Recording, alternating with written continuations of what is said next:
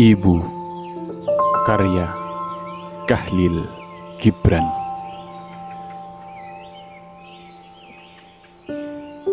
Ibu merupakan kata tersejuk yang dilantunkan oleh bibir-bibir manusia.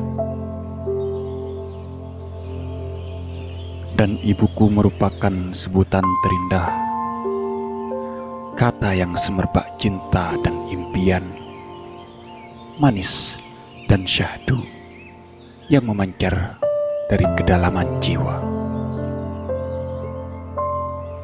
Ibu adalah segalanya. Ibu adalah penegas kita di kala lara, impian kita di dalam rengsa, rujukan kita di kala nista.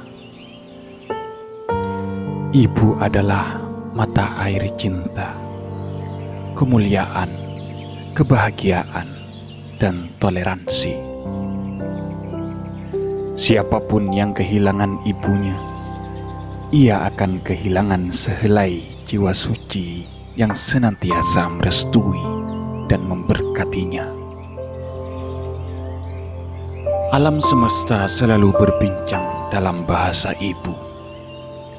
Matahari sebagai ibu bumi yang menyusuinya melalui panasnya.